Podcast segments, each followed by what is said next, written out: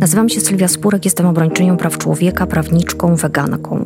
Od lat walczę o prawa kobiet, osób LGBTIQ, z niepełnosprawnościami, osób starszych, tych, których lekceważą politycy i polityczki, system i państwo.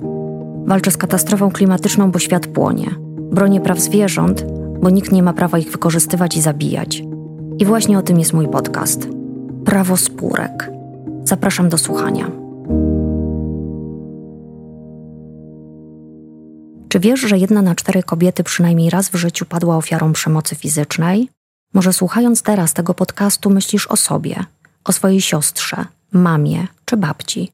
Dlatego bohaterką pierwszego odcinka Prawo spórek jest konwencja stambulska, którą z inicjatywy Green Institute właśnie wydałam w formie publikacji książkowej. Wierzę, że stanie się ona naszą konwencją, która zajmie miejsce na domowych półkach tuż obok Konstytucji RP i innych ważnych dla nas książek i dokumentów. W tej herstorii polskiej walki o prawa kobiet nie może zabraknąć także polityczek, naukowczyń, feministek, które od lat działają na rzecz praw kobiet. Między innymi profesorki Magdaleny Środy, profesorki Małgorzaty Fuszary czy zmarłej Izabeli Jaruginowackiej, której dedykuję ten cykl. Pani marszałek, pani pełnomocniczko, chciałam powitać kobiety, które od lat pracują w organizacjach pozarządowych. Wreszcie z trybuny polskiego Sejmu chcę powitać wszystkie feministki, wszystkich feministów. To ja wiem, jak w Polsce trudno przyznawać się do feminizmu, ale to dzięki Państwa działalności. Dzisiaj ta debata w takim tonie jest możliwa. Dziękuję Pani posłance. Wielka, ważna postać, niewątpliwie można powiedzieć krok milowy w tej świadomościowej na pewno walce o prawa kobiet. Nazywam się Magdalena Środa, jestem profesorem Uniwersytetu Warszawskiego, zajmuję się filozofią polityczną i moralną, ale również jestem polityczką, feministką, pełniłam funkcję pełnomocniczki do spraw równego statusu kobiet i mężczyzn w rządzie Marka Belki. Trudno mówić w ogóle o osobie, która jeszcze zmarła w tak tragicznych okolicznościach, ale właśnie ta śmierć mi odsłoniła pewną bardzo ważną prawdę o niej, bo ja bardzo szybko po katastrofie smoleńskiej napisałam taki artykuł o Izie do Gazety Wyborczej i pamiętam zatytułowałam go Feministka, ateistka, czy jakoś tak. I wtedy zadzwonił do mnie jej mąż i powiedział: Magda, ona nie była ateistką. Dla mnie to był kompletny szok, bo myśmy się z Izą poznały w takiej organizacji, która powstała na początku lat 90. i celem była walka o świeckie państwo. O taki radykalny rozdział Kościoła od państwa, bo już na początku lat 90. widziałyśmy, że idzie w kierunku fundamentalizmu religijnego. Okazało się, że Iza była osobą wierzącą i to głęboko wierzącą, i ja pomyślałam sobie, no to jest właśnie to. To znaczy, Iza traktowała wiarę w Boga jako kwestię absolutnie prywatną. Natomiast jako polityczka wiedziała, że trzeba stawiać opór instytucji Kościoła. I dla mnie ona jest takim no, idealnym przykładem wzajemnych relacji między wiarą a polityką, odrębności tych relacji była najbardziej niezłomną pierwszą feministką w polskim parlamencie. Nazywam się Małgorzata Fuszera, jestem profesorką w Instytucie Stosowanych Nauk Społecznych na Uniwersytecie Warszawskim. Byłam pełnomocniczką rządu do spraw równego traktowania. Był to czas rządów premiera Tuska i pani premier Ewy Kopacz. Kiedy się poznałyśmy, to był przełom systemów, czyli przełom 89 i 90 roku. Była osobą, która podkreślała, eksponowała, pokazywała wagę problemów kobiet. Miała ogromne zasługi dla rozwoju ruchu kobiecego, naszych teraz starań, ponieważ my jesteśmy kolejne w tej całej linii kobiet w Polsce, które walczą o równość i o prawa kobiet. I jej zasługi dla tego, co w tej chwili się w Polsce zmienia na dobre, czyli pewnych ustaw, które udało się wprowadzić, między innymi konwencje zmian świadomości, są zasługami ogromnymi. E, Panie Marszałku, Wysoka Izbo, ja oczywiście także, biorąc pod uwagę to, że chciałabym, żeby ten mm, projekt był najlepszy, najbardziej skuteczny, myślę, że ma on jeszcze cały szereg mankamentów z punktu widzenia poglądów mojego klubu, ale chcę powiedzieć, że to jest dobry projekt, Wysoka Izbo. I my w gruncie rzeczy dzisiaj powinniśmy mieć poczucie, że robimy coś dobrego, żeby w polskim społeczeństwie mniej było przemocy, dramatów, rozpaczy, poczucia klęski, a czasami zniszczenia całego życia, bo tego dotyczy ten projekt. Jeżeli ja bym miała powiedzieć, jaka to jest ustawa, to bym powiedziała, to jest właśnie pani poseł prorodzinna ustawa, bo rodziny są różne.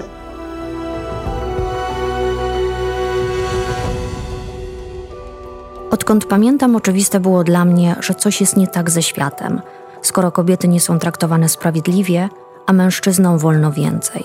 Doświadczenie rodzinne niestety potwierdzało ten absurd. Uznałam, że trzeba to zmienić. O feminizmie zaczęłam czytać na początku lat 90. i tak znalazłam swój sposób na zmianę świata. Im więcej wiem, tym bardziej widzę, ile rzeczy jest nie tak. A gdy sytuacja staje się trudniejsza, kiedy kolejny człowiek lub instytucja podnosi rękę na kobiety, moja motywacja do działania tylko rośnie. Równo 22 lata temu w łódzkim oddziale Centrum Praw Kobiet zaczęłam udzielać wsparcia kobietom doświadczającym przemocy. To jedna z pierwszych w Polsce organizacji pozarządowych skoncentrowanych na problemach kobiet doświadczających przemocy w rodzinie. Od pierwszej chwili było jasne, że przemoc oraz dyskryminacja kobiet to palące problemy młodej polskiej demokracji i niezbędna w tym zakresie jest konkretna, praktyczna pomoc. To wtedy zrozumiałam, że kluczem jest brak oceny i osądzania kobiet, pokazywanie im, że są ważne, a ich godność i bezpieczeństwo muszą być priorytetem.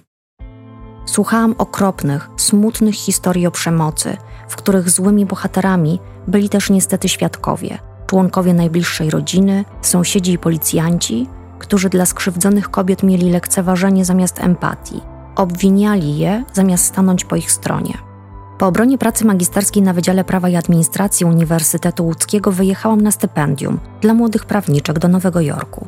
Jako obserwatorka brałam tam udział w rozprawach postępowania sądowego toczącego się przeciwko zbrodniarzom wojennym z byłej Jugosławii, sądzonym za zbrodnie wojenne, masowe gwałty na dziewczynkach i kobietach. To trudne zawodowe doświadczenie było mi potrzebne. Obserwowałam, jak sądy mogą być wrażliwe lub neutralne, a więc ślepe na sprawy kobiet. Zrozumiałam, jak ważną rolę odgrywa prawo, jak ważnym jest gwarantem obowiązków jak bardzo może kształtować naszą świadomość i zmieniać postawy. Kiedy wróciłam do Polski, Izabela Jaruga-Nowacka została pełnomocniczką do spraw równego statusu kobiet i mężczyzn. Zgłosiłam swoją aplikację. Był to początek mojej pracy w administracji publicznej. Izabela Jaruga-Nowacka miała potrzebę zmieniania świata. To za jej kadencji zapadła decyzja o opracowaniu pierwszego rządowego projektu ustawy o przeciwdziałaniu przemocy w rodzinie. Poza przygotowywaniem, razem z Katarzyną Kądzielą, projektu tej ustawy, towarzyszyłam Jarudze Nowackiej w spotkaniach politycznych i obserwowałam, jakie podejście do spraw kobiet i przemocy mają politycy i polityczki lewicowego w końcu rządu. Ustawa o przeciwdziałaniu przemocy w rodzinie została przyjęta w 2005 roku, ale w radykalnie okrojonej formie. Z ambitnego dokumentu został ogryzek. Zabrakło kluczowego postulatu zapewnienia ofierze przemocy bezpieczeństwa za pomocą natychmiastowego policyjnego nakazu opuszczenia mieszkania przez sprawcę. Dopiero w 2010 roku wprowadzono niezależny od postępowania karnego nakaz opuszczenia lokalu, ale sądowy, a nie policyjny. Dodatkowo okazało się, że w praktyce wymaga on długiego czekania, średnio 143 dni. W tym czasie nieraz dochodziło do kolejnych aktów agresji, często bardziej brutalnych, gdy oprawca w poczuciu bezkarności mścił się za policyjne interwencje. Pobita i zastraszona kobieta, która czeka pięć miesięcy na wolność, niezależność, bezpieczeństwo. Wyobraźcie to sobie. Czy tak się buduje zaufanie obywatelek do instytucji publicznych, służb, sądownictwa? Smutne, ale prawdziwe jest to, że kiedy z ministrą Izabelą Jarugą Nowacką, a potem ministrą Magdaleną Środą tworzyłyśmy pierwszą w Polsce ustawę antyprzemocową, lewicowi ministrowie byli przeciwni wprowadzeniu policyjnego nakazu opuszczenia lokalu przez sprawcę przemocy. Argumentowali, a co z jego prawem własności?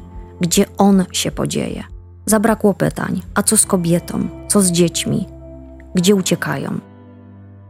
No ja pamiętam moje rozmowy z Izą, która mówiła, że kiedy lobbowała, przekonywała do zakazu pobytu sprawcy przemocy razem z y, ofiarami przemocy, czyli tego nakazu usunięcia mm, osoby przemocowej z domu, że inni parlamentarzyści, mężczyźni, pytali ją, czy chce mężczyznami zapełnić cały dworzec centralny.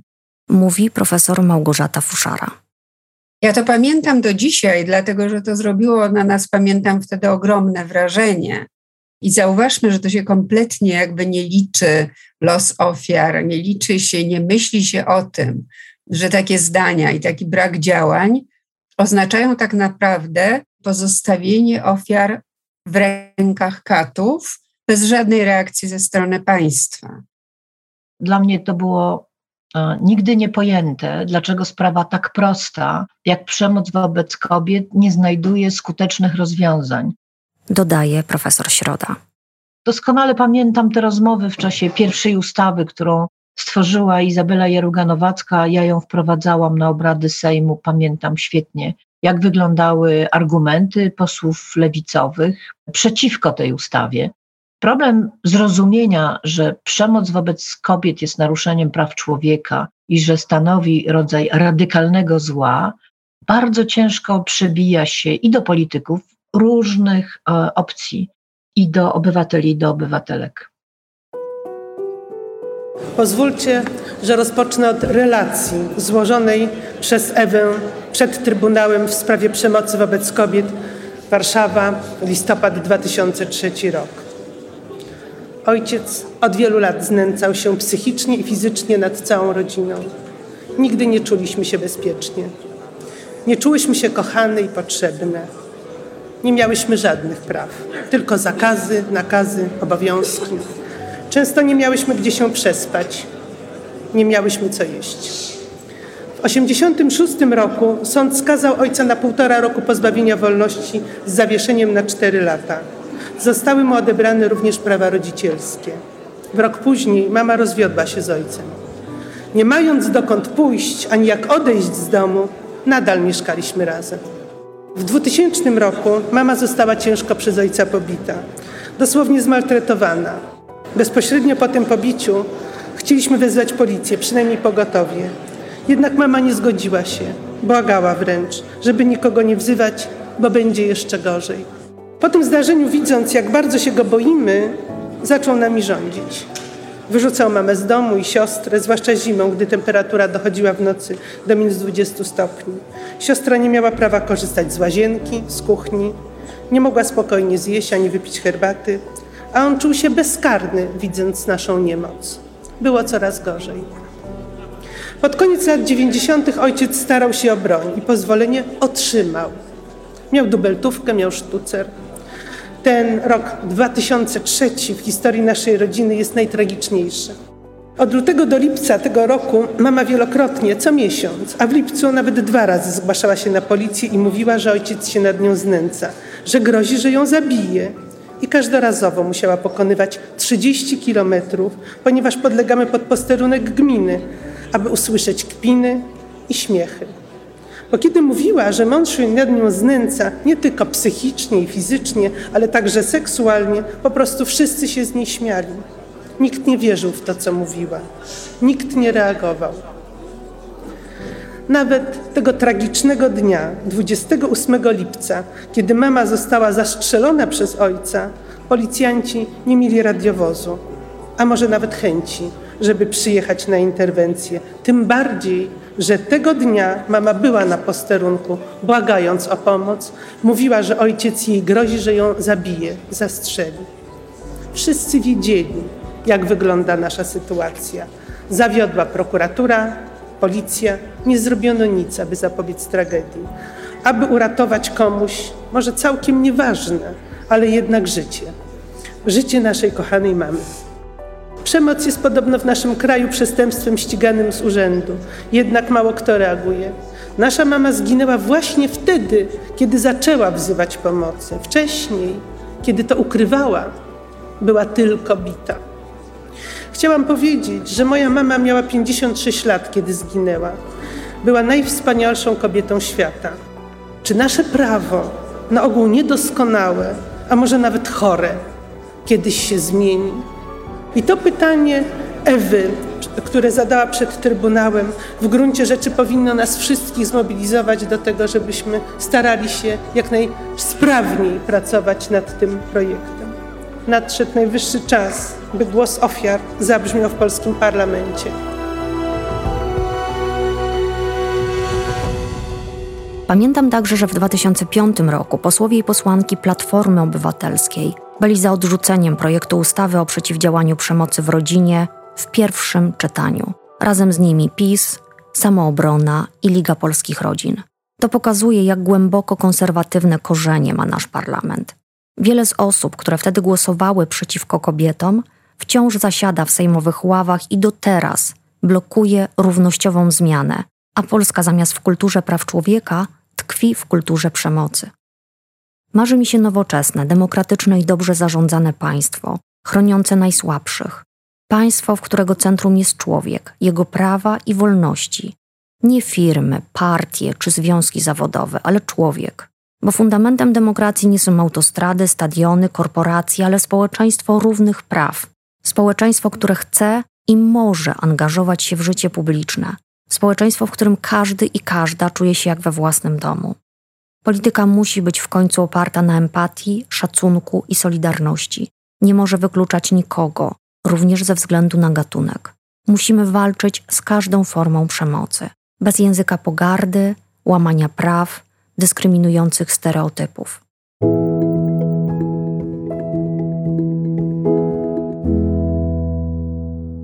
Zacznijmy czytać konwencję stambulską, zacznijmy więcej o niej mówić, bądźmy z niej dumni i dumne.